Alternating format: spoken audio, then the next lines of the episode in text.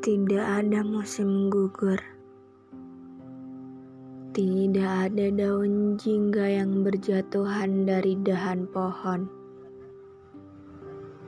Tidak ada pula tumpukan salju yang menggunung di tiap-tiap jalanan. Yang ada di sini hanyalah riak air hujan yang telah tumbuh menjadi sesuatu yang lebih sering kita sebut dengan tulisan.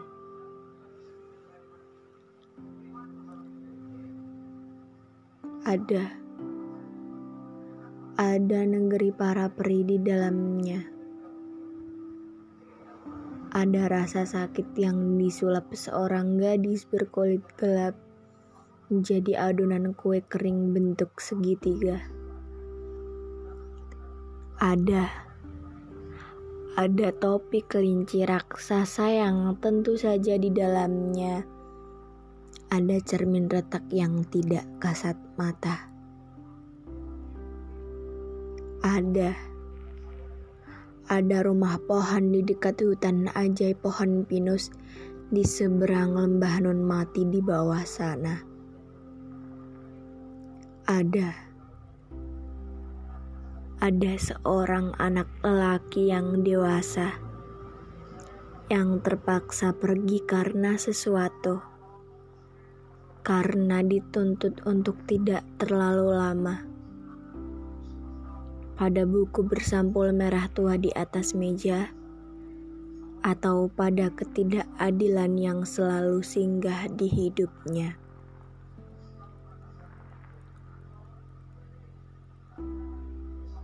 Lewat semua yang telah disaksikan ataupun disatukan, ada sebuah tali tipis. Ujungnya tidak runcing, dan warnanya coba kau tebak sendiri. Mulai hari itu, ada yang kembali manusia kesayangannya yang telah ia bungkam selama ribuan hari itu telah kembali lagi.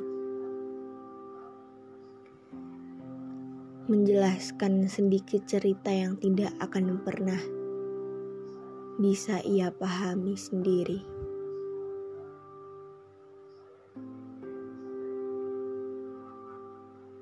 Ia hanya duduk memikirkan bagaimana mungkin semesta ini selalu tahu apa yang ia inginkan. Padahal ia tidak pernah mengatakan satu kata pun. Ia hanya termangu. Termangu dan bingung sepanjang waktu.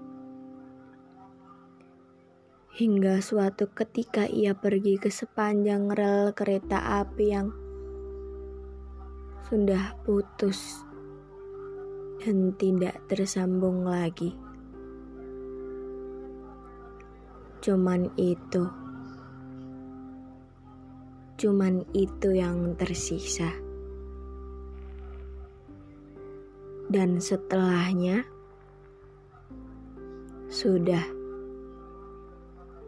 tidak lagi ada resah yang singgah.